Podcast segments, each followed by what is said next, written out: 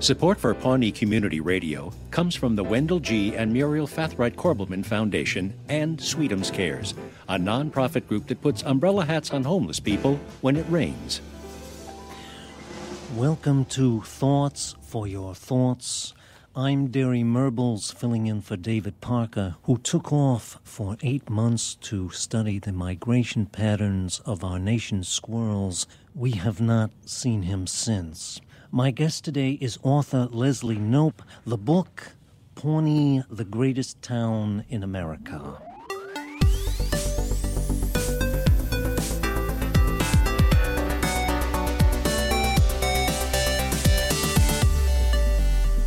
Då säger jag hej och välkommen till ännu ett rykande färskt avsnitt av Fulkultur. Den folk... Bildande och sedelärande podden. Folkbildande och sedelärande podden i den ordningen. Från oss på Geeks som också gör eh, digitala mötesplatser som Sveklockers, FZ och 99. Idag så har vi ett eh, avsnitt som ligger mig särskilt varmt om hjärtat. Jag har tjatat och tjatat länge för att vi ska ha och äntligen har jag lyckats släppa in då en väldigt begåvad expertpanel i studion. Jag kan börja härifrån. Amanda Reventlid Mhm. på 99. Jag trodde du skulle presentera oss med våra smeknamn. Revis, tycker jag. Ett, ett av många smeknamn Ja. på dig.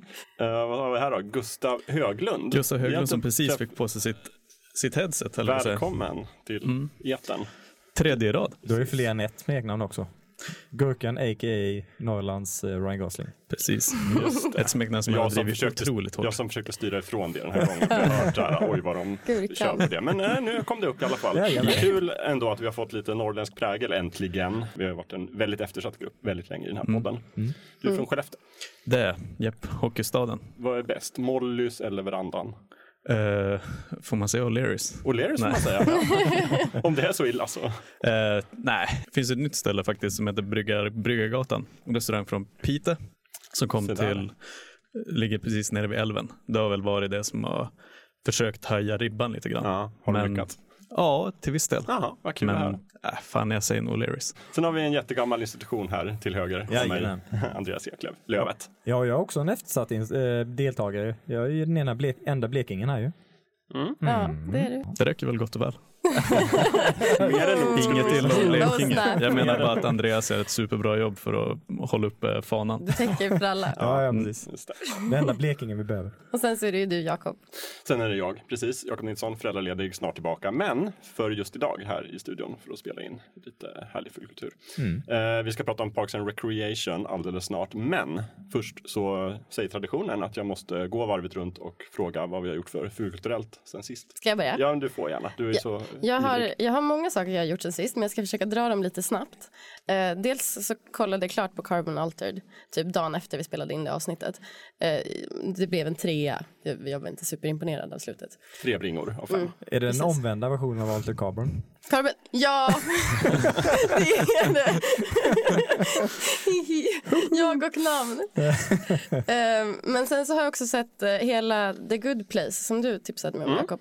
Eh, väldigt rolig. Ja. Men jag har bara sett första säsongen för det Ja. var det enda som fanns på Netflix. Eh, väldigt kul. Liten, som, är de, halvtimmes avsnitt typ. Ja, samma skapare som eh, Parks and Recreation faktiskt. Mm. Och sen har jag också plöjt hela första säsongen av Fab Five, den nya, som finns på Netflix. Som är alldeles för få avsnitt. Det fanns, det fanns bara typ 6-7 avsnitt. Jag hade velat haft minst 24. Mhm. Eh, så nu är jag lite besviken på att jag inte kan hänga med dem mer. Det var en så bra säsong och typ tusen gånger bättre än förra Fab Five. Vad är Fab Five? Är det någon sorts reality låter det, Det- som? Är det en sitcom? Det är eller? reality. Det är fem stycken eh, gaykillar som eh, åker till olika typer av män som behöver hjälp med att städa upp sina liv och sig själva. Mhm, Så det är som en total makeover? Ja, det, väldigt bra. Väldigt smaskigt. Ehm, jag har, nu kanske jag fuskar lite här för att SVT, allting som görs av SVT blir ju lite finkulturstämplat här i Sverige. Men jag är väldigt liksom, avslappnad inför den uppdelningen så det är helt Okej. okej. Ja, men då, Vissa då andra jag. inte, men jag är det.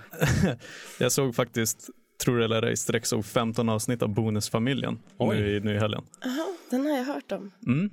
Den var bra. Eh, både och. Mm. Det, tänk dig typ Solsidan och The Marital Problems där fast det är liksom uppskruvat till 11. Sen ska jag säga att det är en FLX-produktion, så det är Felix Herngren och, och det, man behöver inte vara tvåbarnsförälder i 30-40-årsåldern för att tycka att det är jobbigt att titta på. Men liksom alla konflikter och sånt signaleras ju långt före det händer. Det är liksom väldigt uppenbart att det är någon som ljuger i onödan och så sen så fattar man att det här kommer att skita Är sig. det lite farsigt? Eh, Men det är en komediserie det här alltså? ja, fast de blandar ganska friskt med, med drama också. Okej, men det är väldigt fiktivt. Det är inte en... Ja, men ehm, och lite sådär parterapi och bonusbarn och ADHD och glömma att hämta och otrohet, hela köret. Oj. Men eh, det jag uppskattar med serien är faktiskt att de vågar stanna på det är dramatiska scener som inte har en komisk underton alls. Och det kom aldrig någon skämt på slutet heller. Mm. Så den, den går lite upp och ner mellan drama och komedi. Ibland är den superrolig och jättetramsig men eh, det är det jag uppskattar med den. Så 15 avsnitt gick ganska snabbt, det är 45 minuters avsnitt. Och jag tror den, eh, undrar om den inte vann Kristallen just för dramaserie. Så jag tror att den är nog egentligen i vissa fall mera profilerad som en dramaserie än en komediserie. Men som sagt, lite Solsidan humor över också. Och där är han också superbra tycker jag, Erik Johansson, Jerka. Han som spelar storebrorsan i Adam och Eva back in the days. Åh oh, herregud. Japp. Åh, Så han är pappan. jag måste lite- nästan kolla på det bara för det. Mm. Men jag tycker att de flesta är superroliga, superbra insatser. Speciellt eh, psykologet, ett par äldre personer, där eh, Johan Ulveson spelar en. Eh, jätteduktig. Mm. Så det är det jag har gjort. Kul. Inte Finns hunnit med så mycket. SVT Play då? Ja, Okej, det är bra. mitt inne i säsong två just Bra nu. tips. Bra tips. Andreas? Eh, jag har tittat på lite allt möjligt och spelat lite allt möjligt men eh, mest eh, gammalt stuff i tv-serieväg. Eh, bland annat Parks and Recreation. Eh, tänkte nu när vi skulle ta det här avsnittet så började jag titta för ungefär en vecka sedan. Och han fram till början av säsong 6. Det är väldigt imponerande. Du har verkligen plöjt. Du, du, för mig tog det liksom månader att Men det här var inte första alla. gången du har sett igenom den? Eller var Nej, det- nej. nej, okej. nej. Eh, men det var ganska länge sedan jag såg den nu. Mm. Eh, så jag tänkte jag skulle försöka färska upp, eh, fräscha upp minnena lite. Eh, och jag går och lägger mig ganska sent om nätterna så jag hinner ju plöja igenom en 6-7 avsnitt eh, efter midnatt. Vad bra. Ja. Mm. Eh, och sen har jag tittat på massa de gamla Seinfeld-säsongerna också. Jag är väl uppe i säsong 8 där tror jag. Så mycket humor för dig. Och sen lite gamla filmer. Jag har kollat på Attack of the Killer Tomatoes eh, bland annat. Mhm. Och, Ja, eh, och sen har jag börjat, fortsatt på spel som, som jag inte hinner spela så mycket. Eh, Xenoblade Chronicles 2, ett JRPG till Switch. Eh, som jag har eh, någonstans norr om 100 timmar i. Eh, som jag fortsätter kämpa på med. Någonstans. Ja. Någonstans. Och sen recensionsspelat Yakuza 6 eh, åt FZ som eh, jätte, jättemysigt. Så det är nog det jag har gjort, Jag älskar med. att du beskriver det som mysigt. Ja, det är en, det är en våldsorgie. Och lite gubbsjukt. och lite gubbsjukt. Så mysigt. men, eh, men ändå mysigt på något sätt. Ja, Ja. whatever floats your boat. Ja, liksom. precis. Mm. Precis, vad kul då. Själv har jag ju faktiskt, eh, vad ska jag ta, jag har gjort jättemycket men jag väljer bara en sak. Jag har eh, ägnat för ett tag sedan, så när jag var liten förresten, så, Vi ska ta det här från det blir en början. lång anekdot, så eh, fanns det ett svenskt företag som heter Äventyrsspel. Som gav ut rollspel och sådana saker. De gav också ut en serie böcker som var typ äventyrsböcker. Alltså tänk rollspel fast för en person. Så man bläddrar i boken så här, vill du göra det här eller det här? Och sen så väljer du så bläddrar du fram till den sidan där det händer. Eh, och jag hade några sådana när jag var liten. Nu på sistone, för ett tag sedan, så lyckades jag komplettera den samlingen. Och fick tag på bland annat den första då som hette Häxmästaren i Röda berget. Oj. Som är en jättespännande bok där man ska förs- besegra en häxmästare. Har du klarat hela? Efter mycket om och men så har jag nu klarat den boken. Ah. Så den var jättesvår. Jag tycker den var svårare än de senare. Eh, Förmodligen för att de inte liksom har listat ut hur svårt det ska vara. Medan mitt barn har sovit och så, så har jag liksom äventyrat lite i Röda berget. Och eh, det gick bra. Sen upptäckte jag också att det finns en jättetrevlig eh, appversion av den här boken. Som är, det är exakt samma story och liksom samma upplägg fast det är lite piffig grafik och Hur sådär. mycket kostar den? Eh, det kommer jag inte ihåg, men det kan mycket väl vara 30 kronor eller mer. 30 kronor eller mer ändå rätt okej. Mm, den kostar det inte liksom vara 50. 100. Nah. 100, inte 100. Ställ inte så svåra frågor. Nej, okej. Vi länkar till den istället. Så. Men den tycker jag var fin, den var liksom bra. Det är också väldigt så här brädspelaktigt, grafiken. Man flyttar en liten figur och sådär. Får Åh. se lite. Men vilken uh, vad riktar de in sig på för ålder? Vad Är det en barnbok eller är det ungdom eller det liksom för Ja. Jakob-åldern. Jakob. Den är väl kanske från åtta år uppåt skulle jag Ah, okej. säga. Någonting. Jag var kanske 12 när jag hade de här första gången. Men det är inte liksom lemlästade kroppar och Nej då, men det är orcher och svärd och liksom, det är blod. Det är blod. Med ändå, det är det. Mm. Sådär, men det är inte liksom, ah, det är ganska långt, alltså det är inte mer än Sagan om ringen och sådär. Men det fanns fyra stycken utgivna av äventyrsspel, sen finns det några andra utgivna av andra förlag. Eh, Men eh, i USA finns det väl en hel serie på typ 800 böcker. Mm. Det fanns olika serier också, men just det här är Fighting Fantasy-serien jag pratar om. Så Häxmästaren i Röda berget, eh, tips. Mm. Eh, nu till kvällens huvudämne som är en tv-serie som heter Parks and Recreation. I'm Chris Pratt. Hi, I'm Amy Poehler, and this is the entire story of Parks and Recreation, the show. Hi, I'm Jim O'Hare from Parks and Recreation. I play, well, Gary, Larry, Jerry, Terry Gergen. Hello, I'm Nick Offerman. Hello, I'm Aubrey Plaza, and I'm going to sum up the show Parks and Recreation. Uh, okay, Parks and Recreation is a thoughtful, optimistic, progressive comedy uh, set in the period of the early 2000s in the fictional town of Pawnee, Indiana. Leslie Nope is in Pawnee, Indiana, working at the Parks and Recreation Department when Ron Swanson, her boss, tells her, You're crazy. You have big dreams. They're never going to come true. It all begins with a bunch of people on a spaceship, and um, they're all cool and they know how to fight, and they're trying to find this other planet. And then a bunch of them start hearing this weird um, song thing, and then they go to this one room and they find out that some of them are Cylons.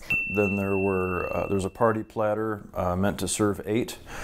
A loaf of spinning meat, some sort of Greek origin, uh, turf and turf, which is a 16 ounce T-bone and 24 ounce porterhouse. It's about a man and his horse. It's about a, about a guy named Gary who is a horseback rider. Uh, he does jumps, he does everything. It turns out other people stop by to see him every once in a while. A little blonde woman, uh, Leslie something, I don't know, I don't care. And along the way, Andy and April and Donna and Ann and, and, and uh, Tom and everyone works at the department helps her reach her goal and her dreams. Some dude with a mustache, oh, he goes on and on. Um, the meat tornado, of course, the Swanson bacon wrapped turkey leg. It's about a man and his horse and the love they share. And the Cylons are cyborg robots, and so now they have a whole fing uh, you know, civil unrest between themselves. But then they try, they find New Earth, and then there's a bunch other Cylons and another spaceship, and then there's a battle, and, and then it's over. Det här blir ju lite granna ett hyllningsavsnitt nästan, eller i alla fall från min sida kommer det handla väldigt mycket om vad jag tycker om och varför och så vidare. Jag ska bara rata serien hela vägen. Ja, men det var ju någon som eh, kommenterade att vi gärna fick vara mindre överens ja, just i studion. Så då kan jag ta på mig rollen av att inte gilla någon då eller? Gör det om du vill. Det kommer bli svårt, jag Du gillar alla. Ja, du, är känd, du är också känd för att vara en sån hater, Amanda. Så Ja. Men, men kan vi ta en snabb liten runda och kolla hur Die Hard-fan Precis det vi ska göra nu. Eh, vi tar en liten runda så kollar vi liksom, lite grann, kanske bakgrund så här. När kollade ni hur och varför Mm. och vad tycker ni? Är ni liksom för eller emot? För den är inte helt unisont hyllad ska vi bara Nej. säga. Nej, det är en nej. del som inte gillar den. Och, Framförallt inte första säsongen när den släpptes. precis. Då var den ju ganska kritiserad av eh, de som hyllade den sen eh, längre fram. Ja, men vi kör ett varv. Eh, ja, det, jag såg ju den typ alldeles nyligen. Eh, för bara några månader sedan så började jag kolla på den och har precis typ kollat klart på hela. Ehm, jag, jag vet ju att typ när den kom så var ju du på mig jättemycket Jakob om att det var typ världens bästa serie, att jag var tvungen att se den. Jag, Ja, inte när den kom, Nej, utan när jag hade lite sett efter. den. För jag såg den ju rätt sent själv. Men- Okej. Mm. Eh, och jag var så här, åh, gud, ja den kanske jag borde se. Och så har det varit ett så här dåligt samvete som har legat. Mm. Att så här, jag vet att jag borde se den för jag borde tycka om den. Och så har jag inte riktigt gjort det på jättelänge. Mm. Ehm, sen kommer jag inte ihåg vad det var som gjorde att jag tänkte så här, nej nu jävlar. Nu ska jag plöja den här. Eh, och hörd, fick också varningen om att så här, första, första säsongen kanske inte är superkul. Jag kan lika gärna skita i den. Eh, men jag kollade på den och sen så kollade på allihopa och jag tycker den var jätte, jätte, jätterolig. De är så mysiga. Eh, och eh, gillar typ alla karaktärer.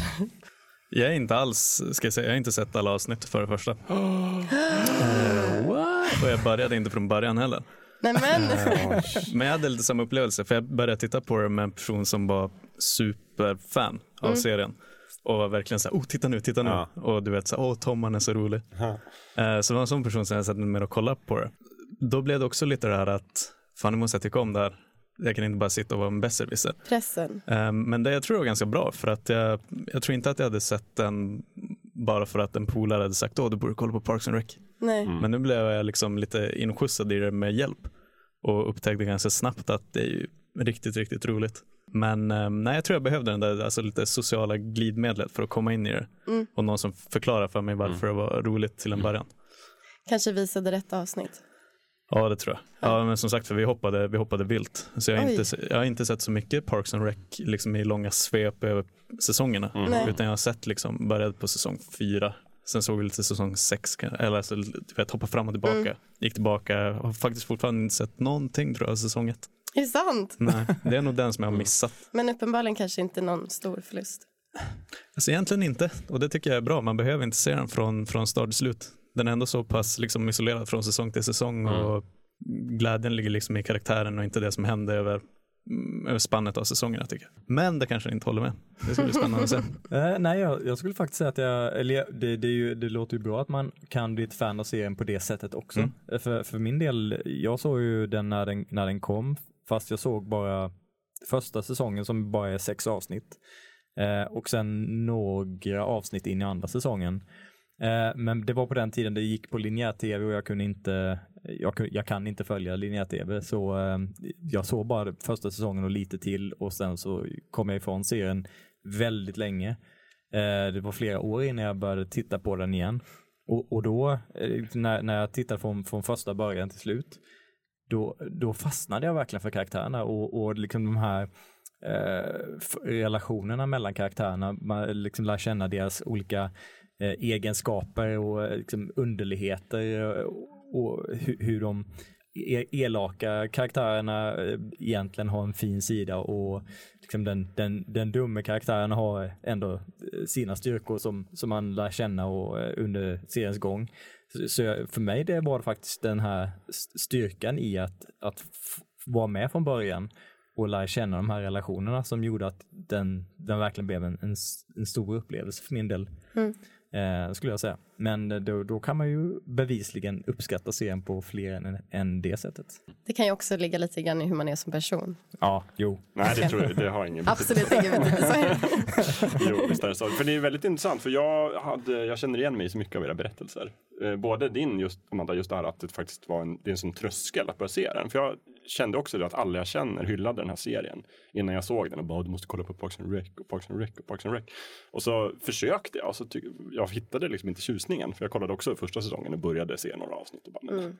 här är väl liksom en, lite av en sämre version av The Office kändes det som. Mm. Ehm, Men den fick ju kritik för det också. men, men Mm. sen också just det här med det sociala glidmedlet. Jag fick också liksom hjälp att verkligen komma in i den. Jag började kolla liksom till slut. Men sen så min nuvarande sambo så var verkligen helt inne i den. Och så kollade vi tillsammans på alla. Hon var verkligen så här, hon har sett den typ tre gånger. Ja, men det ungefär var exakt mycket det liksom, igenkänning och men just det här att det handlar kanske inte så mycket om själva storyn utan mycket om karaktärerna och att lära känna dem. Jag blev ju lite eh, sugen på att kolla på den för att det fanns så många bra giffar. Ja, det är, väldigt, det är väldigt GIF-vänlig Det, serie. var, det, fanns liksom, det var så många som talade till mig att jag bara, jag måste ju tycka den här serien Mm. är, så, är bra. Om det finns så många fantastiska giffar från den. Mm. Jo men det är ju så, men det är också kanske lite därför folk ibland blir lite, lite bortstötta från den. För att, dels för att den blir så hyllad av många. De som gillar den gillar den väldigt mycket och då blir det en del människor reagerar med typ fast då tänker inte jag gilla den. Just det. Eh, och lite grann kanske handlar om just om att den första säsongen är, dels är den väldigt annorlunda. Den känns ju på, den är bara sex avsnitt. Mm. Men det känns lite grann som ett pilotavsnitt för hela, hela serien. Mm. Fast ut över en hel säsong. Ja. Eh, Jag tänkte förresten att vi skulle göra så här. Vi kan, vi kom, den är ju inte jättekänslig för spoilers den här serien. Men vi kommer att spoila den i Ja. avsnittet. För att Mm. vi kommer att prata om allt som händer. Men om man inte har sett den och vill se den så kan man lyssna några minuter till och så kan vi försöka förklara varför man borde se den lite snabbt bara. Sen kan man gå och göra det. Och har man sett den då kan man lyssna vidare. Mm. Det är så jag tänkt. Låter bra. vettigt. Ja. Eh, den går att se vet jag på både HBO Nordic om man har den tjänsten och eh, Amazon Prime om man Mm. har den tjänsten. Ah, okej. Så den finns, alla säsongerna finns där. Den gick på NBC i amerikansk tv förr i tiden. När den sändes. De som också gjorde The Office. Ja men precis, samma, samma studio. Mm. Och det är också samma skapare som gjorde The Office, alltså den amerikanska versionen av The Office. De som ledde den showen Ah, okej. gjorde sen också Parks and Rec. Och att den är så lik från början, eller på många sätt, är ju att den var från början var den ju tänkt som en liksom regelrätt spin-off till Mm. The Office. Att de tänkte så här, "Ah, nu har vi gjort The Office, det handlar om liksom privata sektorn. Nu gör vi en variant på den offentliga sektorn. Lite under första säsongen insåg man att det här kanske inte var någon bra idé. Vi försöker göra den till sin egen grej. Ja, för jag är lite allergisk mot Office egentligen. Så det var också en... Berätta om din Office-allergi. Nej men jag tycker att, det, jag, tycker att så här, jag tycker inte det är så roligt som alla säger. Jag tycker att det är rätt plumpt och det, liksom, det tilltalar inte mig. Ehm, och jag, liksom, jag vet inte, jag tycker att det är plumpt på något vis. Okej. Ehm, så därför var det en extra hög tröskel för mig att börja kolla på Parks and Recreation. För att jag var lite så här, mm.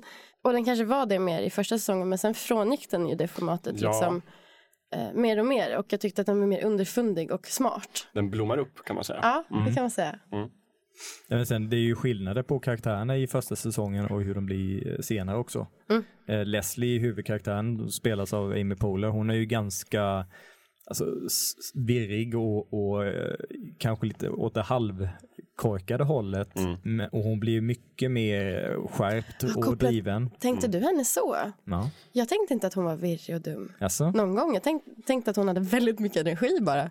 Jo, men eh, ja, jag tyckte i alla fall att hon var betydligt virrigare som, eh, i, i den rollen hon ska vara, eh, ledarskapsrollen, så kändes hon väldigt virrig och lite flamsig sådär. Men hon blir ju betydligt mer uppstyrd. hon är fortfarande lite inkompetent och eh, virrig på, på olika håll senare, men hon är betydligt mer uppstyrd i, från säsong två och framåt, Ja. eh, tyckte jag.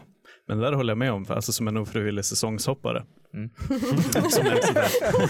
Ja, men det märks faktiskt supertydligt för att i de senaste säsongerna som du säger, det- hon blir mycket mer nyanserad och de spinner mycket hårdare på att hon är liksom överarbetad och superstressad men kompetent. Ja. Och att i de tidigare säsongerna så är hon mera åt det dummare hållet liksom.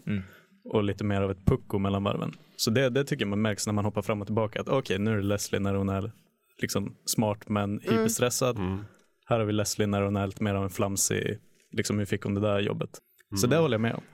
Och det är tror- samma, ska vi säga att vi börjar spoila eller ska vi prata lite mer om? Ja, alldeles strax. Ja. Jag ska bara säga att jag håller med.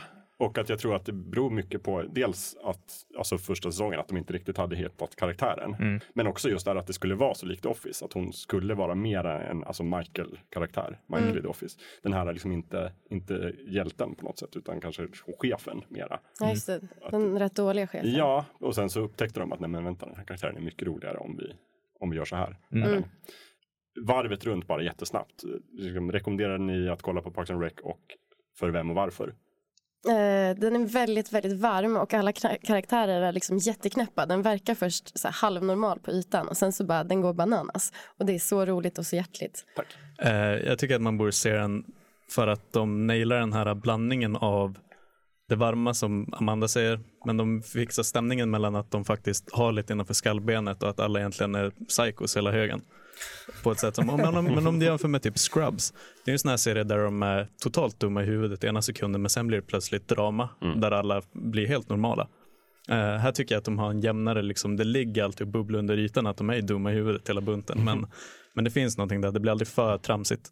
Jag, jag kan hålla med om det. Det, det är ju den, den här värmen mellan karaktärerna, men också den här elaka strukturen från Seinfeld exempelvis. De håller på att hacka på varandra och ställer till det för varandra och generellt sett bara jävlas med varandra. Eh, och, och de här liksom ut, utmejslade karaktär, karaktärstyperna de har, har ändå sina andra sidor som man får, får uppleva under seriens gång. Eh, så man, man blir belönad som tittare ju, ju mer man ser av den. Ja. Men Man, man gillar karaktärerna i början och sen så får man veta mer om deras olika sidor. Och alla de här episka citaten, eh, ja, den, den är ju värd att se bara för alla de här fantastiska citaten. Eh, och och alla de relationerna som är så, så underbart hysteriska och eh, dysfunktionella. Det ja, Men det är det jag skulle säga, liksom det är tredimensionella puckon. Ja, det är den ja. verkliga Lite som en lök. behållningen. Massa lager. Precis. mm. Jag skulle också absolut rekommendera den. Det, så på många sätt så är det en, en svart komedi. Det är så mycket svarta och den är så brutal och skoningslös på många sätt. Fast det är inte en svart komedi utan de, det är en feelgood-serie. Mm. Vilket är, jag tycker är det som är så spännande, att de vänder på det konceptet. Väldigt mycket om misslyckanden och korkade personer och liksom så torrt som offentlig förvaltning och så gör de det till en feel serie som verkligen växer. Mm. Och just det här att man blir kompis med alla karaktärerna. Men om, om man gillar humor från säg The Office eh, eller Seinfeld eller typ Brooklyn 99. Mm. Om man gillar någon humor från de, de serierna så tror jag att man kan hitta någonting att gilla i den här serien för den har element från allihopa skulle jag säga. Mm. Jag Brooklyn skulle- 99 är också gjord av samma Ja, konstnär. Det är också precis. jätterolig. Mm. Men också typ lite, alltså inte riktigt, kanske lite mer på ett abstrakt plan, men typ New Girl också som är jag väldigt hjärtlig. precis det. Och de är också helt knäppa, de är ju helt sjuka i huvudet allihopa. Mm. Eh, Det är väldigt mycket rå men hjärtlig humor. Ja. Ja. Socialt inkompetenta men eh, varmhjärtiga. Mm. Men alltså, absolut, eh, om ni tyckte om New Girl, kolla på det här för att det är nästan, jag tycker att det är bättre än New Girl på att blanda ett gäng puckon med en, någonting mer. Det finns mer substans i Parks and Rec tycker jag Mm. än i New Girl. Och det är substansen som får, får, får mig att stanna kvar.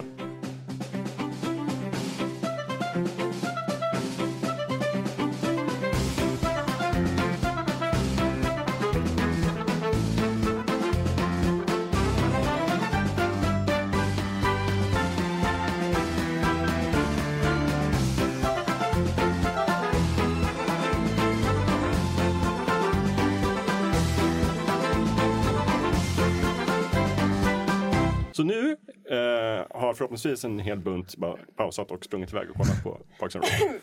Och vi kommer prata vidare nu förutsätter vi att alla som vill se har sett. Mm. Och så bara, det är nu spoilersna kommer. precis. Perfekt. Så, och det passar ju dig bäst alltid. Ja, det Som att du passar. alltid lite spoilar. Jag får alltid hålla mig när vi inte får spoila, det är svårt. jag har också alltid en så här gnagande känsla av att jag säger alla dör. Rakt ut. Men oavsett vad det är. Ja. Att jag ska spoila att alla dör. Så alla dör i eh, Parks and Recreation. Absolut. Fast många dör ändå, sådär. Eller några Ja, dör. några dör. Det är Några inte dör. helt, för det man, alltså, ja, och nu tänkte jag vi kan liksom djupa ner i, och dyka ner lite i den här, alla grejerna vi tog upp nyss. Mm. Kanske lite mer nyanser och prata om våra favoritkaraktärer och favoritögonblick och bara liksom namedroppa lite saker, prata om Mm. våra favoritgiffar och sådär. för det är, ju- alltså många möter nog den här serien via giffar. Tror jag. Mm, mycket Ron Swanson-personan Ja, men jag tror memes. också att faktiskt just det där varför många jag har lite svårt för serien är just att, att Ron Swanson blev en sån karaktär och en meme. Mm. Jag vet Ja. flera som bara säger men ah, det är den där med den där jobbiga Ron Swanson. Ron Swanson. Jag har ju också en liten så här, min, en av mina derby, roller derby-idoler heter Bron Swanson. Ja. Eh, och hon, har alltid, hon spelar alltid med en jättestor mustasch. Ja, det anspelar lite på Så det anspelar på. Ron Swanson och eftersom att jag älskar henne så tänkte jag så här, om hon gillar Parks and Recreation då måste jag också gilla Park, Parks and Recreation. Och älskar också Ron typ över allt annat. Och eh, för, för er som kanske inte kollar igenom alla sju säsongerna i pausen här nu eh, så kan vi förklara att Ron Swanson är ju den här eh, liberala eh, anti-socialist-karaktären med en stor buskig mustasch eh, som tycker att eh, Och ett li- väldigt fint hårsvall. väldigt Mm. mm. Hårsvall som tycker att allt det statliga är förkastligt. Att, Han är eh, inte bara liberal, han beskriver sig själv som libertarian till och med. Ja, Han, precis. han tycker att liksom, hans idealbild av en eh, förvaltning eller en regering är liksom en person i ett rum som bestämmer allt. Men, han- och hans sanna lycka är ju liksom om, om eh, förvaltningen skulle gå i stöpet och inte finnas mer och upplösas. Det är typ lite grann hans mål med Ja. hela sin Ja, anställning precis. där. Vilket gör det lite konstigt att han ändå jobbar där och har liksom någon sorts Hur gör han det? Det är en viss liksom, det går inte helt ihop. Nej, Nej. Han, han vill ju helst att de, de inte gör någonting. Han gör ju det mesta han kan för att förstöra för dem också. Ja.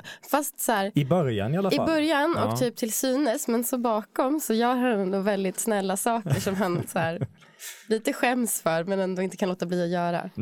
Men för det ska vi säga, de har ju verkligen plockat de trevliga russina ur den här superkonservativa. Ja, gud, ja. ja, det, är ju inte, det kommer ju aldrig upp någonting man tycker om liksom, politik på det sättet, utan de har ju bara tagit det här bourbon, kött, ja men alltså de snälla bitarna. Hatar vegetarianer, det är någonting jag står för hela serien. Jag hatar frukt. Nej, men precis, verkligen. För att när jag såg honom först så blev jag lite så här...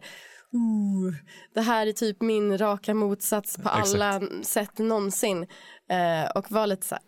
"Ah, Det här känns inte riktigt bra, jag kommer nog inte gilla honom. Och sen så, ju mer man fick känna, lära känna honom och också hans vänskap till Leslie så blev det som att jag bara, han är ju fin, han tycker kvinnor är bra, han vill inte döda alla eller sätta dem i köket. Så här, vilket jag först trodde att de liksom Och den hårda fasaden eh, får, Ja, släpper men han den ju på. mjuknar, han är ju världens gullebjörn. Men han älskar pussel och vågar inte riktigt Ja. erkänna det. Men, ja. Men det är väl också ganska många karaktärer som gör den resan. Liksom, att det börjar med någon form av liksom, ganska extrem stereotyp av en person man inte gillar. Och Ja. sen så kan de, tillåts de växa. Fast jag tycker just när det gäller Ron att han man pratar ju om det här begreppet flanderization i serier. Att liksom, ju längre en serie går så blir de mer och mer liksom sina extrema egenskaper. Karaktärer som blir karikatyrer. Ja, utifrån mm. kallade efter Flunder då i Simpsons. Som från början Ja, var så här en ganska liksom, hyvens granne som råkade vara kristen. Och sen liksom tio säsonger framåt så är han liksom bara tok kristen. religiös galning som inte liksom går på, inte tittar på tv och liksom, Supervältränad. ja precis, jättekonstigt. Och lite så blir det ju med Ron också, att han liksom plötsligt så, så är han ideologiskt emot att kompostera. Vilket jag inte ser kopplingen. Liksom, men du borde verkligen gilla att kompostera. Ja. För du är all about liksom, bygga saker själv. Och, Naturen, Ja, trä. det är jättekonstigt. Så det finns en liten hycklare också i Ron Swanson. Men det är där faktiskt någonting, om man bara pratar allmänt om det, jag tycker att många karaktärer, du vi nämnde tidigare att vi tyckte att Leslie blev mer nyanserad ju längre serien gick. Jag tycker bättre om serier som tonar ner karaktärerna och försöker pinpointa de här små, små sakerna som gör dem riktigt bra. Och när det inte blir den här, du vet när det går åt andra hållet som du sa med Flanders. Så, Alltså lite det som hände typ i Vänner, att Monica blir Ja, superpedantisk på precis. slutet. Hon gillar och, inte bara när det är städat utan hon, hon blir- mår Exakt. dåligt när det inte är städat. Jag menar typ såhär Ross, han har alltid varit lite neurotisk men Ja. han är ju ett vrak i Ja, slutet. exakt. Och då, då tappar man lite. Ja, och Joey är lite, lite korkad. I Precis. första säsongerna. Och sen så kan Han är ju inte tio år stava, gammal. liksom. Nej. Ja. Det, tycker jag är bett- det tycker jag att de gör bra i Parks and Rec. Att det är inte så att de blir värre och värre och värre och värre. Utan de, har, de hittar det, de har kokat ner det i Mm. de senare säsongerna till det som verkligen gör dem bra. Och så Ett kör de på det exempel. Ja, I alla fall med de flesta karaktärerna. Men lite grann, alltså på ett sätt så tycker jag att Ron blir lite mer nyanserad. Men han blir ju också mer extrem. Jo, men det, det, jag- tittar fram ibland just den här tendensen tycker jag med vissa grejer när han gör vissa uttalanden. Mm. Men, men överlag så håller jag helt med att han blir mer nyanserad. Han, liksom, för att han utvecklas, vilket är skönt i en sitcom. Att alla karaktärerna får växa Mm. och får lära sig saker av varandra. Och liksom, Ron som i första säsongen säger att han vill absolut inte liksom, bry sig om någon. Han Mm. liksom, slutar med att han gifter sig. Men jag och, tycker och ett, ett annat jättebra exempel på det April, Aubrey Plazas karaktär. Ja. Som i början är en så här sur eh, så här, emo-tonåring nästan. Ja, som, som ogillar allt och inte vill hjälpa någon. April Ludgate som är Vill att alla ska dö. praktikanten på Ja, precis. parkförvaltningen. Eh, hon utvecklas ju väldigt mycket och Ja. får mycket mer sidor till sin karaktär och, och hon visar sig faktiskt tycka om eh, Saker. Och, tycka om saker och Alltså människor. innan så trodde man att hon typ hatade allt och alla, alltid. Precis. Och hon vill ju fortfarande försöka hålla uppe det skenet i senare säsonger men hon, hon växer ju väldigt mycket och var en av mina favoritkaraktärer i, i, mot slutet. Mm. I början tyckte jag inte om den karaktären alls. Sen har vi ju Ann Perkins. Hon börjar ju flatline och slutar flatline. Ja, Ja, faktiskt. För hon är typ den enda karaktären som är nästintill helt tom. ja. Rakt igenom. Men det är ju också lite hennes roll i serien, tänker jag. Att hon är ju väldigt färdigvuxen från början. Hon är ju inte, hon är inte liksom, dum i huvudet som alla andra. Utan hon är ju tvärtom den som, alltså framförallt kanske Leslie, lär sig av. Eftersom att de blir bästa vänner. Eh, Men jag håller med, sen händer det inte så mycket. De försöker ibland ha någon liten så här B-story med henne. Det, jag vet, inte, Som det också alltid bara handlar om vilka snubbar hon ska Ja, dejta. exakt. Det är lite det är liksom, tråkigt. Hennes identitetskris är så här, nu har jag gjort mig av med den här loser-killen som jag Ja. har dejtat i första säsongen. Vad ska Eh, jag Oj, vem nu? är jag? Och sen fortsätter det ju hel, inom hela. Så, så här bara så här, nu dejtar jag den här personen eller nu känner jag det Mm. Men här. det är ändå eh, fin romans mellan henne och Chris. Jo. Jo, jo, jo, det är den. Chris som spelas av Rob Lowe. Som, Som är helt fantastisk. över, Helt över Mm. And allt. I take care of my body above all else diet, exercise, supplements, positive thinking. Scientists believe that the first human being who will live 150 years has already been born. I believe I am that human being. Men det är också hans, liksom, han har ju säkert spelat flera roller. Han är ju en gammal medlem i liksom, Brat Pack. Mm. Men eh, annars är väl mest känd kanske från Vita huset. Men det här är ju hans riktiga roll, tycker jag. Ja. Det tycker jag Det är liksom att han spelar verkligen Han är så jäkla check. Ja, så och har så mycket dödsångest att det är helt sinnessjukt.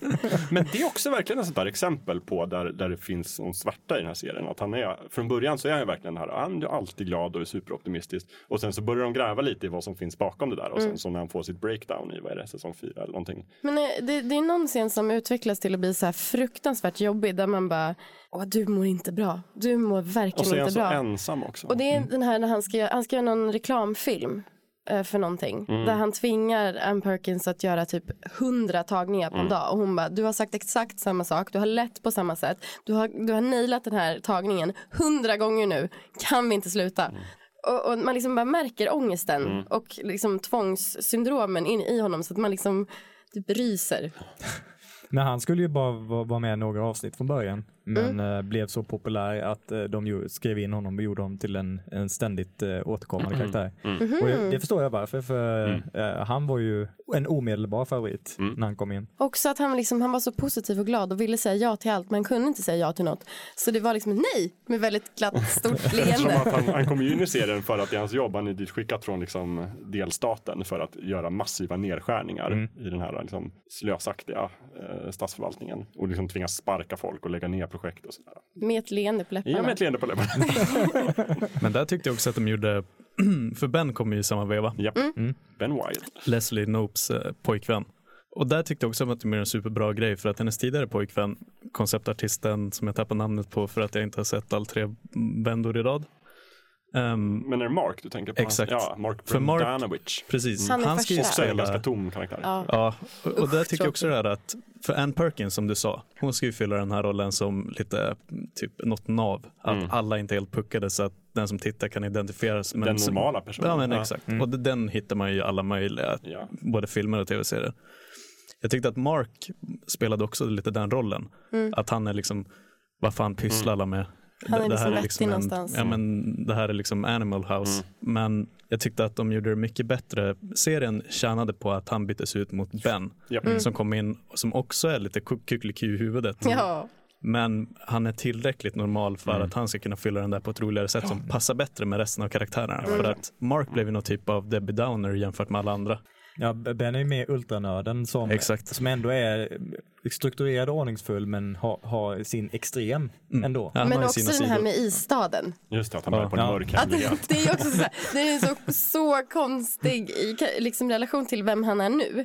Så är det en så himla konstig kontrast där han bara jag satsade hela stans pengar på att göra det här. Nej, men vad är det? Han blev vald som världens yngsta borgmästare i sin Ja. hemstad. 18 år gammal. Just det. Och, så, satsade han allting på att göra en isstad och sen så sätter gick jättedåligt och hela-.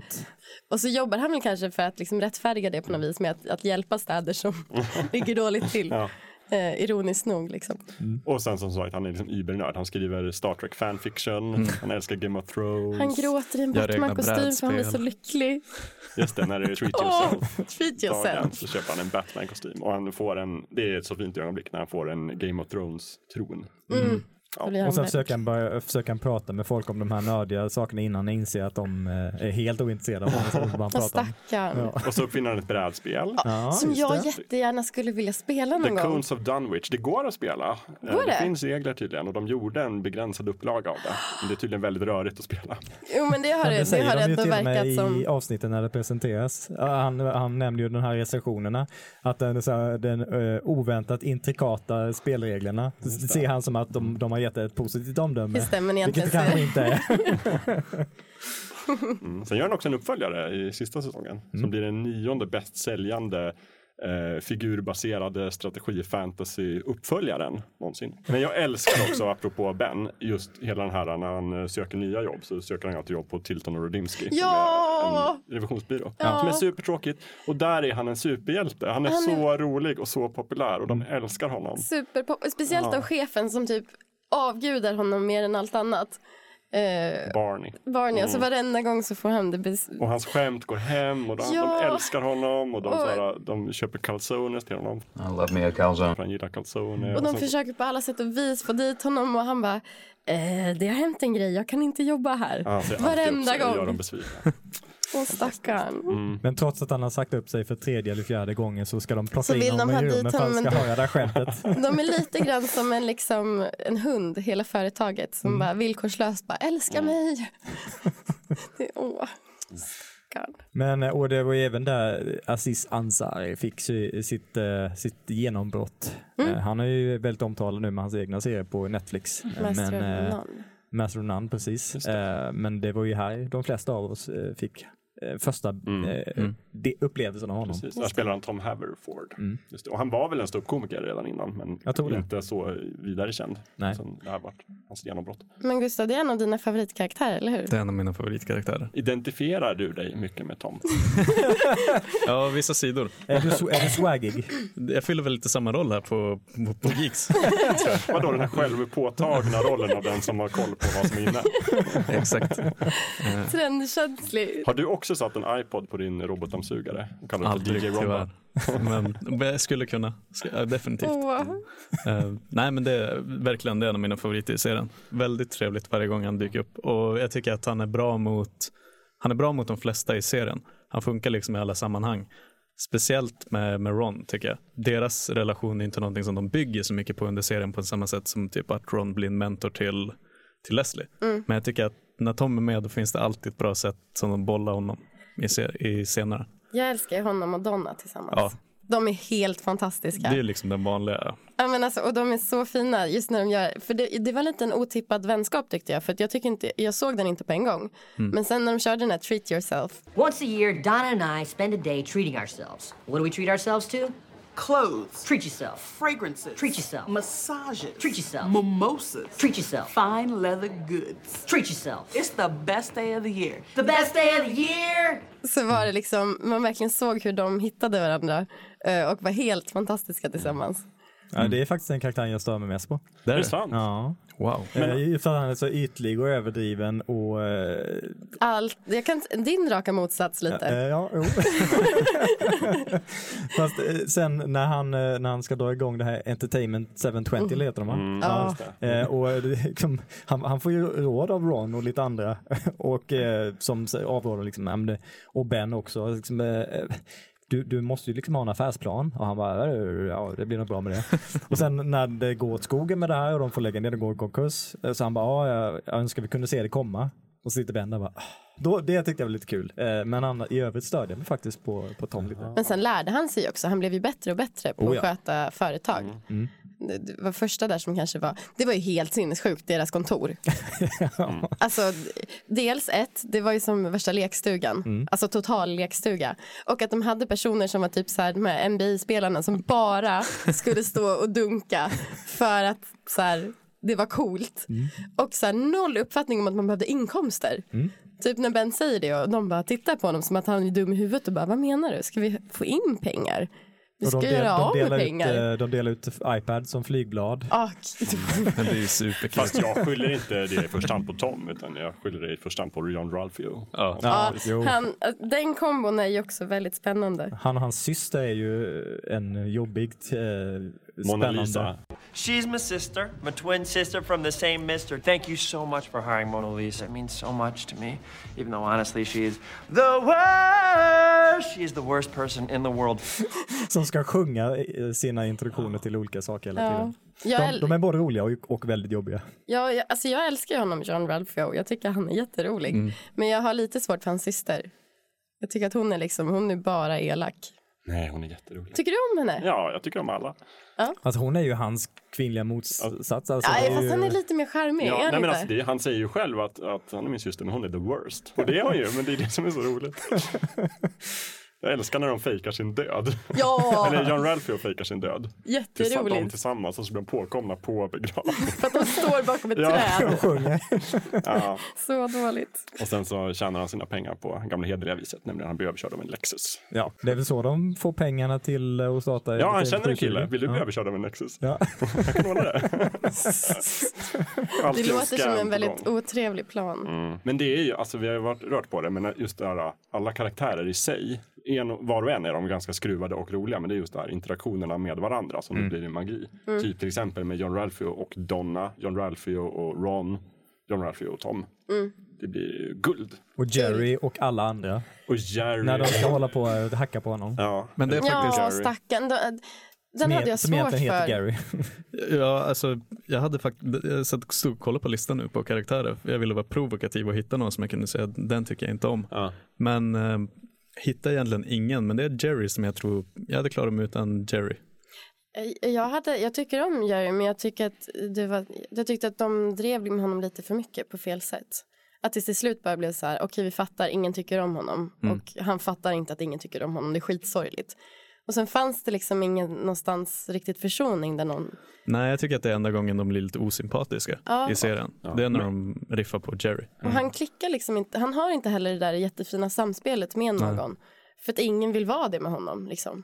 Men är det inte också lite roligt att han, när han kommer hem från jobbet så har han liksom den, liksom, den amerikanska drömmen av en, liksom, den perfekta familjen. Han har i serien då en supersnygg fru och barn och liksom hela den här döttrar och- familjelyckan. Helt superperfekt. Som ingen riktigt fattar. Och sen så slutar det ändå med att han får bli borgmästare Mm. i många, många år innan han dör lycklig. Men jag håller med att, att just där, alla blir inte kompisar. Ingen tycker om Jerry. Nej och de Gary. bara skrattar åt honom Ja. varenda gång. Det är lite så här. Den enda som är lite trevlig mot honom är väl ändå Ben. Ja, Ben Som så här är liksom ändå försöker bli hans respektfull. kompis men kan ändå inte fatta hur han kan ha en sån snygg fru. Nej. Nej. Alla säger shut up Jerry hela Mm. tiden. Mm. Men eh, Johan, jag, jag skulle nästan tro att han skrevs in i det gänget när de skapade serien. Och nästan alla sådana komediserier har ju den här hackkycklingen Mm. som är inkompetent och som alla håller på och hatar på. Eh, och och jag, det, det, det slår mig nästan som att eh, han skapades innan de här person, den här persondynamiken hade skapats. Eh, och sen när den väl var igång så ja, då var han en karaktär i gänget och då fick han ha den rollen helt enkelt. Ja, för jag tycker inte heller att jag riktigt förstår varför alla ogillar honom så mycket. Han Det är som att de bara sämst. har bestämt sig för att Mm. de ogillar Det honom. är för att han är sämst. Ja. Men, han är inte sämst, han är bara dålig på att prata inför folk. Ja, men han sätter ju foten i munnen rätt ofta. Jo. Eh, både fysiskt och verbalt. Eh, han klantar sig hela tiden, förutom när han kommer hem till familjen. Men då är han jätteskärpt. Det kan du inte säga att de andra inte gör, de klantar sig också hela tiden. Ja, jo. Men, De men, behöver en hackkyckling och Ja. det är. Gary. Ja. Men jag tycker bara att det är, liksom, det, det är den enda karaktären som inte tillåts att ta ett steg till. Mm. Ehm, alla andra får liksom bara mm, dumhuvuden men de får ändå liksom utrymme att visa att de är egentligen inte det. Nej, men det är precis, det är väl han och Ann Perkins då som liksom är statiska Ja, någonstans. De, Ja. de det- det- växer inte. Exakt. Men jag tänker att de, de finns där för att liksom inte för sin egen skull utan för att de andra karaktärerna ska Mm. få vara svin eller lära sig något. Det är en karaktär vi inte har nämnt av liksom huvudpersonerna. Andy. Min favoritkaraktär! Är det din favoritperson? Ja men typ. Andy Dwyer. Han, Chris speciellt Pratt. tillsammans med, med April Ja.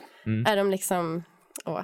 För där är det ju också, om vi återigen går tillbaka till första säsongen, att där är han ju inte så sympatisk. Nej. Sen blir han ju betydligt mer sympatisk. Ja. Han är ju lite douchig faktiskt till och med. Han är lite douchig men också lite omedvetet douchig. Mm. Eh, och också det tog mig ett tag men jag, jag tittade på första säsongen och så ett tag in och även i andra säsongen så tror jag att jag smsade dig Jakob och bara alltså han är ju lik mitt ex. Och, och när jag bara jaha, ja just det. Det tog mig liksom ett tag men de- är rätt lika. Ja, det finns vissa drag kanske. Och det, ja. Ja, Fast lite nedtonad. Är- I, I första säsongen när de ska uh, an, försöka anlägga den här parken som det eh, får sitt namn från eh, så, så bor han ju i, i en grop han bor i gropen ja. bakom Ann Perkins hus. Men det är väl sen han blir utkastad? Ja, precis. Ja, för Så hon säger han- nej till slut. Ja. Det här kan jag inte leva med för Ja, han, precis. han är ju ett as. Ja.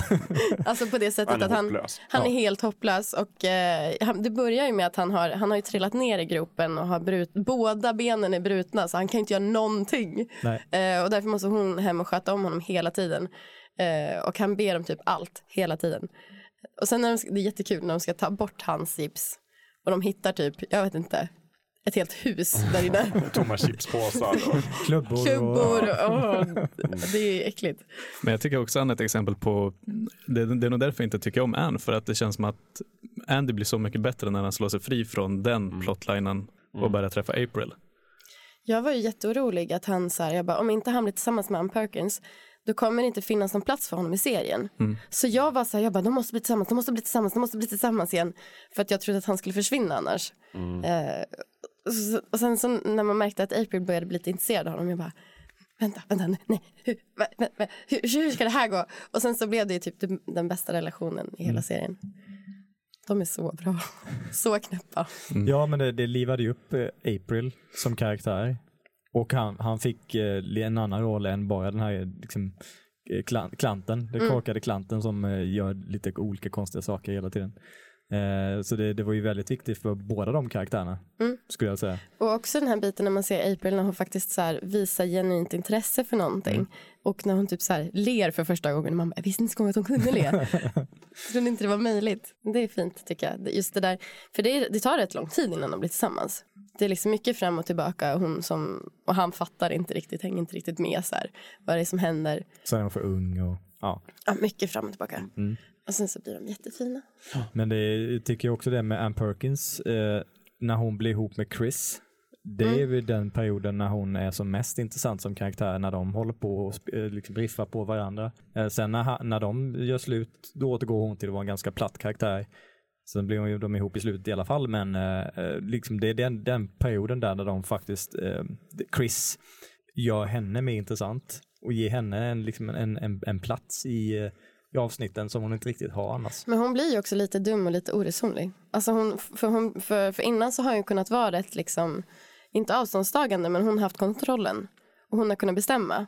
Och sen helt plötsligt så blir hon så kär så att hon vet liksom inte riktigt vad hon ska göra. Mm. Och så tar hon jätteknäppa beslut. Och, så liksom, eh, och där blir hon ju lite mer intressant för hon blir inte lika platt. Men också just det här att det faktiskt är Chris som gör slut med henne och det har hon Mm. aldrig varit med om så att hon fattar inte det. Nej men precis. Jag förstod inte så vad som hände. För han gör det så positivt och snällt. ja, exakt. förstår inte att han är slut. Ja, men sen är det också alltid så här, jag menar, varje serie som är sju säsonger eller mer, alltså, alla karaktärer kan inte ha roliga saker att göra hela tiden. Och Nej. där ser vi väl med Anne, så här, att de försöker komma på saker att göra med henne. Mm. Typ när hon börjar dejta Tom till exempel, vilket är bara, Jättekonstig. Ja. Den är jättekonstig. Ja, det, hela den perioden känns eh, ointressant.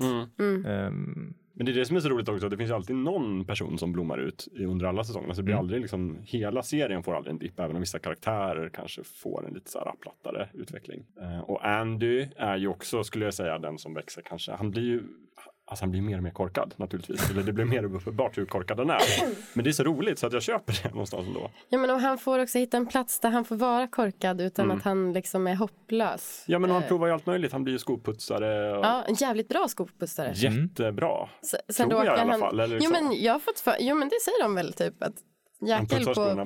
Ja, fast han förolämpar ju sina kunder och liksom Jo, glömmer att ta men betalt. själva och liksom- putsandet är fint. Ja, ja, jo. den där killen som alltid får sitta där och vänta. Kommer inte ihåg Och den stackarn, Ja. och som de så här closed. Ja. Ja, får sitta Ja, kvar. Ja. Också när han eh, provputsar på stolen. Och så är det någon som bara, men kommer inte det betyda att all puts hamnar på röven? Han bara, ja. Och sen så har han sitt band. Mm. Eller band, band. Rockband. Mouse, Mouse Rat. Som byter namn ofta. Väldigt ofta. ofta. Ja. Och så har vi den jättebra låten I fell in the pit.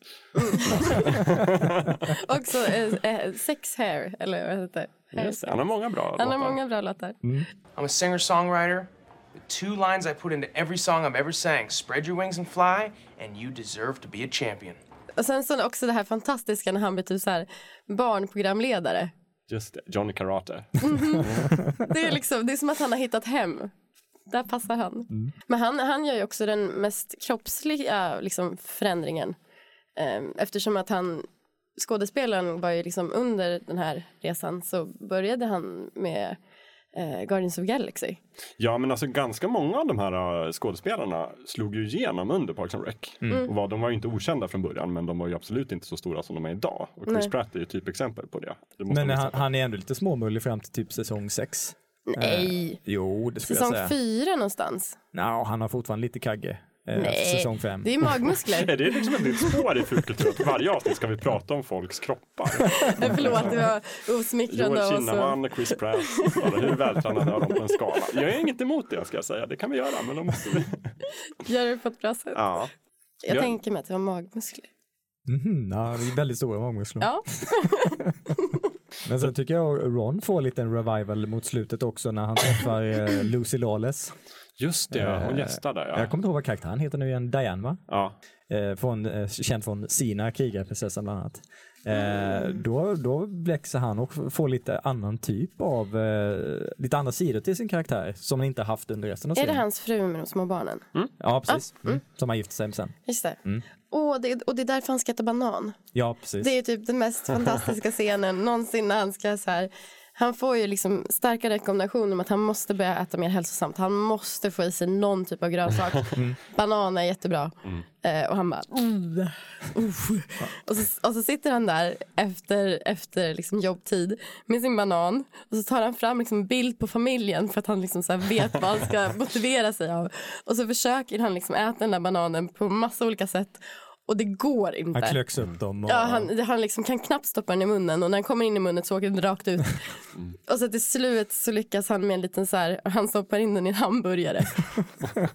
och då kan han typ äta den. Men han ser fortfarande rätt äcklad ut. Det är Ron Swanson som har liksom ett fotoalbum med alla bilder han tagit på alla gånger han äter en stek Mm. på ett speciell restaurang.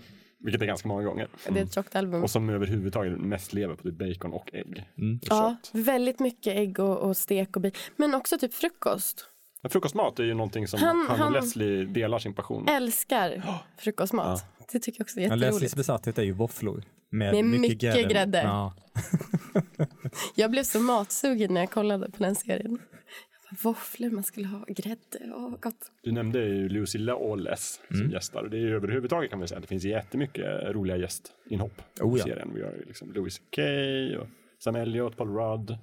Alla de här roliga personerna. Kristen Bell är ju med. Vad är det hon? V- Vem är hon? Kristen Bell? Ja, men alltså, jag vet vem hon är så, men vem är hon i Hon, serien? hon är ju alltså Leslies motsvarighet i Eagleton och hennes ungdomsrival. Just det! Eagleton som är den här lite mer snobbiga grannstaden. De är också jätteroliga när de slåss, för det, det går ju inte bra för dem, Eagleton, eftersom att de, de kan inte riktigt. Ja, De, de drabbas ju också av den här ekonomiska krisen fast några år senare och de får Ja. inte hjälp så att de konkursar ju. Också att de inte riktigt förstod det här med utgifter. Ja. Så att de har ju liksom bara brassat på för Japp. att de är en, en De är Eagleton. Ja men precis, Mm. de, ska, de ska ha en viss klass. Eh, och då hjälper ju Pani dem eh, genom att säga okej vi, liksom, vi blir ett. Mm. Eh, och då ska de här parkförvaltningarna eh, slås ihop. Eh, och det är jätteroligt för alla har ju en motsvarighet Mm. eh, som är väldigt, väldigt konstiga och rätt roliga. Eh, typ bland annat Rons motsvarighet. Ja, just det. Som också heter. Ron. Som också heter Ron. Och som det verkar som, först blir de liksom själsfränder och bara verkar superglada i varandra. Sen upptäcker Ron att han är vegetarian. Ja, och Och hippie. lite spirituell. Och liksom allt som Ron inte är och Ja. går omkring i sandaler. Men vad heter skådespelaren som spelar den med Ron? Han brukar spela Han med som i dyker upp i alla westernserier. filmer och är den här Alltså cowboyen i Big Lebowski. Jag minns Mm. inte vad han heter. Jag kommer inte heller ihåg vad han Nej, heter. inte heller. Nej. Men han är, han, hans ansikte är känt. Mm, Ja, verkligen. Det är han. Känd från film. Ja, och också, vem är, är det Toms eller Donnas motsvarighet? Han den här totalneurotiska mannen. Han som känner så mycket. Alltså som känner så mycket. Och, så, och som, oh, han har sånt, eh, hans stressnivå ligger liksom, han är, jag tror aldrig jag sett en sån neurotisk person som han. Oh, I have, I have a medical condition, all right. It's called caring too much, and it's incurable! Vem, vem, vem är han motsvarighet för? Jag vet inte om det är så exakt, Nej. men han jobbar ju på deras liksom, parkförvaltning. Mm. Så att de får ju honom när de mergar. Men när vi pratar om motsvarigheter så måste jag ju prata om liksom, eh, The Public Radio-stationen i Pony. The douche. Nej, inte den. Nej, Nej, den. Eh, Åh! Wamapoke County Public Radio. där de Just sitter och pratar om där de spelar liksom, norska lesbiska folkmusik. Just den supersmala som Ja. man typ somnar av så fort man hör honom Derry Merbles som har så fantastisk röst. Och Just så, han får ju också en motsvarighet sen när de Mm. mergar. Då sitter han i studion också och det är ju John Hodgman som spelar August Clementine. Just och de är det. verkligen rivaler, de hatar varandra. Det går inte alls och så bra. försöker de få sista ordet. Ja, det blir ett outhärdligt alltså, radioprogram att lyssna Ja. på. Mm. Mm. Och han, han, eh, första gången man ser honom så har väl han, eh, ersätter han någon annan som har åkt till New York för att ersätta den som har åkt dit. Ja, för det är någon på Public Radio som har liksom tagit tjänstledigt för att Mm. åka och kartlägga typ någon form av fågels eh, migrationsmönster Mm. i Afrika eller sånt där. Så kommer han aldrig tillbaka. Så får han bara ta över. Väldigt roligt. Sen har vi Perd Hapley. Have you heard the bird? Jag heard with Perd. Som också är ehm, inte riktigt med i matchen. Nej. Jay Jackson spelar honom. Eh, och han har jättemånga olika program, men Mm. Jag heard with Perd är väl det roligaste. Så det är ju överlag alla de här media... Personerna är väldigt speciella. Mhm. Du, är det Jon som är så, som ligger med alla? Joan Calamesso. Ja. Mhm. Och har, hon och Tom har ju ett relation där som man... De klickar väldigt bra. Ja, Mm. klick. ja. Bokstavligt talat. och som också verkar vara ute efter att sätta dit Leslie för någonting. Bara allt typ. Ja, men Leslie råkar ju alltid ut för det där. Hon blir alltid liksom, det blir alltid en skandal runt henne. Mm. Får alltid hantera. Men hade ni, hade, tror ni att det hade varit lika bra om de bara hade hållit sig till kärngruppen på parkförvaltningen? Nej. Hur mycket tycker ni att serien växer för att de tar in alla andra karaktärer på ni? Jag tror de måste göra det efter, eh, liksom efter säsong tre hade de fortsatt att köra på bara liksom grunduppsättningen. Mm. Eh, hade varit svårt att få dem, eh, den gruppdynamiken att vara så mycket annorlunda. De skulle kunna köra på olika storylines men det skulle fortfarande vara samma interaktioner och dynamik. Mm. Så, eh, och och det, det genererar ju många ganska absurda små miniberättelser eh, under avsnittens gång som håller det fräscht. Mm. Men samtidigt kan hålla den här genomgående storyn som, som finns i bakgrunden, till exempel när, när Leslie och Ben ska gifta sig. Det finns ju lite olika sidospår med de andra karaktärerna, men, men har den huvudfåran i bakgrunden ändå. Eh, och hade det bara varit den så hade det nog inte varit lika eh, fräscht och, och dynamiskt och spännande tror jag inte. Nej, men spe speciellt för att de tvingar de andra här, liksom, bikaraktärerna som, som sticker in ibland. De, tving de försätter ju de här huvudkaraktärerna i situationer Mm. som de måste hantera på oftast rätt dåliga sätt. Eh, som skapar humor. Mm. Och utan dem så hade det liksom inte, de hade haft svårt att få det att rulla lika bra tror jag. Som här Jam. Ja, som är alltså- så jättejobbig hela tiden. Han vill man ju typ strypa långsamt. Han är så jobbig. och är liksom alltid i vägen och alltid så här. Han är ju så dum så att man typ inte ens fattar om det finns någon logik i hans huvud. Nej. Men, eh, och sen, men sen så blir de ju liksom lite kompisar va? Lite, men han är väl en av de karaktärerna som inte riktigt får någon eh, sympatisk sida, förutom typ i slutet. Men jag tror att han blir lite sympatisk i slutet. Ja, lite, men inte Men han är fortfarande, han är en sån douche. Ja. Men, Verkligen. men det är ju lite det som jag sa också i början, just där att det är så mycket, på många sätt är det en svart komedi, för att det handlar verkligen om hur alltså, idealisten Leslie misslyckas gång på gång och liksom varje gång det hon tror på, liksom, typ en bred offentlig förvaltning och allting, det slår ju tillbaka mot henne hela tiden. Mm. Folk, invånarna i Pawn är dumma i huvudet, ingen bryr sig. Ingen De är vill ha bara ute efter att hjälp. hänga henne. Mm. Allt hon försöker genomföra blir som det går snett och hon liksom blir konstant motarbetad av liksom, karriärister som, som Jam. Som också är tandläkare men vill att folk ska få håll i tänderna eftersom att de ska gå till honom. Business. Men det är väl alla i Pawnee är väl också lite köpta av den här Sweetum Company, Ja. som är Gud, godisföretaget.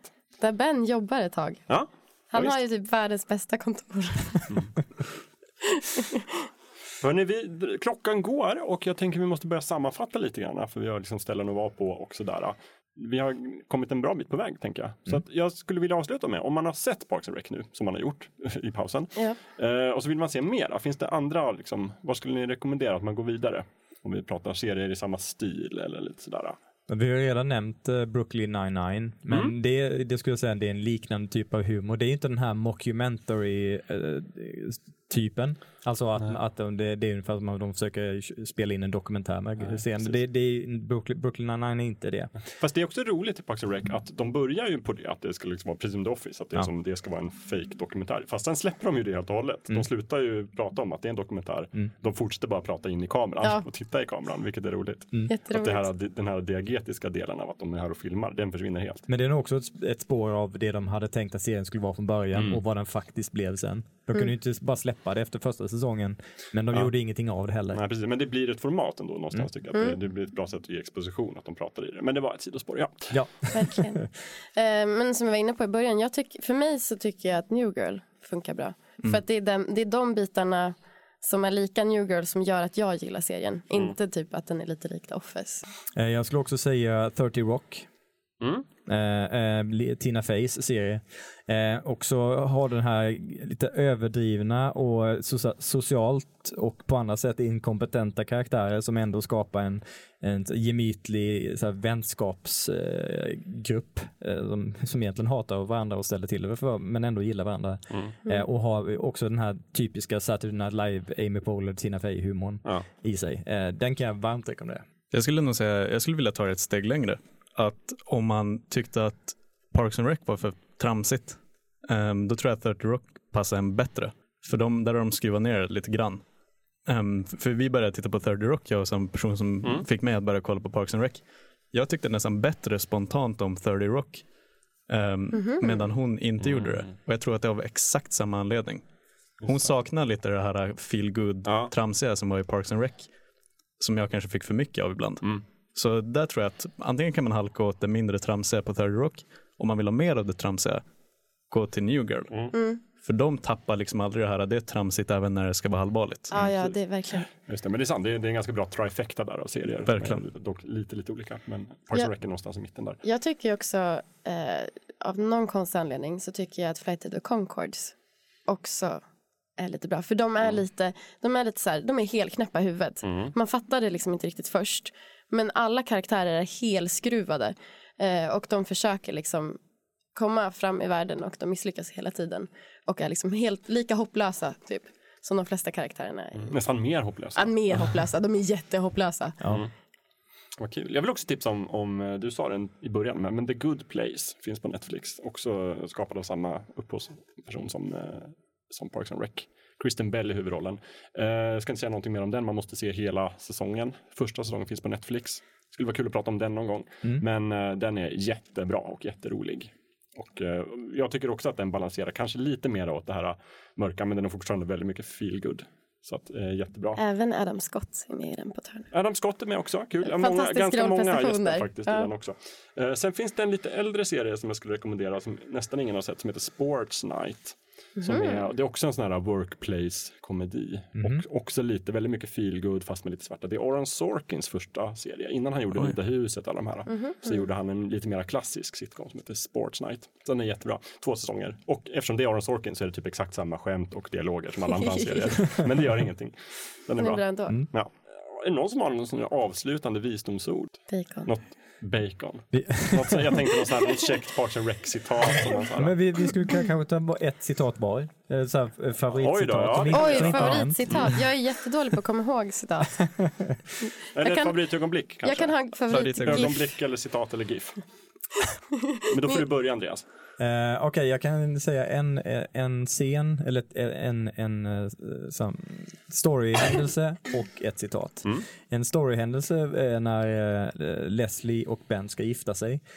För då, då tycker jag liksom i, i upprinnelsen till det här, det går ju inte helt friktionsfritt, Eh, då, då får alla de här karaktärerna som egentligen har motsättningar och massa så här underligheter, de jobbar tillsammans och visar hur mycket de egentligen bryr sig om varandra och jag tycker det blir en väldigt fin scen i det här dysfunktionella sällskapet. Eh, jag tror det är säsong fyra va? Eller är det fem? Ja, eh, någonstans, eh, kanske fem. Och sen ett, ett citat, bara en liten grej som jag satt och skrattade orimligt mycket åt. Eh, när Ann, Ann Perkins ska göra en hälsokontroll på eh, Ron. Ja, just Så det. säger hon sexual hi eh, history. Svarar Ron epic and private. Klassisk Ron. Klassisk Ron. Private. Du då Amanda? Eh, jag skulle säga att favoritscenen är nog när hon ska liksom kampanja i Pani, alltså Leslie. Eh, och de har tagit sig till en ishall av någon jättekonstig anledning. Där de har också fått den här personen som är, det enda han är känd för att han gjorde typ slam dunks. Eh, Pistol Pete eller? Ja. Ja. Och han ska komma dit och så ska han slamma. Mm. För de ska göra en ordvits. Och så är den här röda mattan liksom lite för kort. så att de får i två minuter, alltså det är på riktigt typ Mm. två minuter i serien. När de försöker gå fram till den här lilla liksom, upphöjningen där hon ska stå och tala. Och så går den här låten som också råkar vara samma låt som eh, Steve Ballmer gick, gick in och skrek Ja, till. just Jätteroligt att det är samma. Det är väldigt kul. Eh, och, och hon ska försöka ta sig upp på den där och alla halkar runt och det, är liksom, det går inte bra för någon. Det är jätteroligt. Även Pistol Pete åker dit. Ja gud, det går inget, inget bra för någon. Eh, och sen, jag tar en favorit-GIF. Och det är när Andy ser skitglad ut. Har ni Ja. sett den? Ja. Den liksom zoomar in på honom, där han är så nöjd. Mm. Den använder jag väldigt ofta. Gustav då? Eh, jag minns supertydligt första gången jag skrattade hysteriskt till den här serien. Och det är Hunting Trip-avsnittet. just När, när de går runt, jag tror det är Jerry och Tom och eh, Donna. Noll vapendisciplin. Går liksom runt i sina reflexvästar. Och så sen säger Tom från ingenstans. Look, some kind of bird. Let's shoot it. så zoomar in på honom och så säger han You talking to me bitch? Och så laddar han vapnet och skjuter. Så börjar Donna bara skjuta upp i luften på ingenting. Eh, så dumt, men det är ett av de absolut roligaste ögonblicken. Jätteroligt. Jag väljer en Ben-grej faktiskt. När Ben, eh, ett tag så blir han ju arbetslös. Mm. Och så vet han inte vad han ska göra med sitt liv. Så då börjar han animera lerfilm. Det. på Mario. Men så börjar han också baka calzones själv Just det. hemma. Och så kommer han på ett koncept för en, liksom, en uh, calzone-restaurang. Pizza? Never heard of it. That's what people will be saying in 20 years because pizza is old news, Chris. Pizza is your grandfather's calzone. I'm going to use low fat ingredients. Game changer. And I will call my new Italian fast casual eatery the Low Cal Calzone Zone. Och det är fullständigt briljant. Det, det är rätt roligt. Ja, det är kul. E- Ett av de mest eh, delade, eh, mimade eh, scenerna från scenen är ju när Leslie är, har feber och vägrar erkänna det, är jättesjuk. Och så ska, ska gå, gå därifrån. Så si- sitter ju Andy där och kollar upp det på datorn. Bara, I typed your, uh, your uh, thing in, in the thing up there and uh, it says you got network connectivity errors. Andy. Och så måste jag säga att det bästa som finns i hela serien det är när Ron skrattar eller när han ser väldigt nöjd ut. Det är ett, oslagbart. Det värmer hjärtat. Ja. Hörni, det är dags att avsluta. Det här har handlat om Parks and Recreation, där det har varit fulkultur. Följ oss på Instagram, fulkulturpodden. Diskutera på Facebook, Facebook slash fulkulturpodden. Skriv Mm. till oss och berätta vad ni tycker. Och recensera oss på Recensera iTunes. oss på iTunes och Japp. eh, lyssna oss på oss i podden. Och skriv in och önska. Vi är tillbaka om två veckor. Tack för idag. Tack så mycket. Tack, tack. Tack, tack. Hej då. Hej då. Hej då.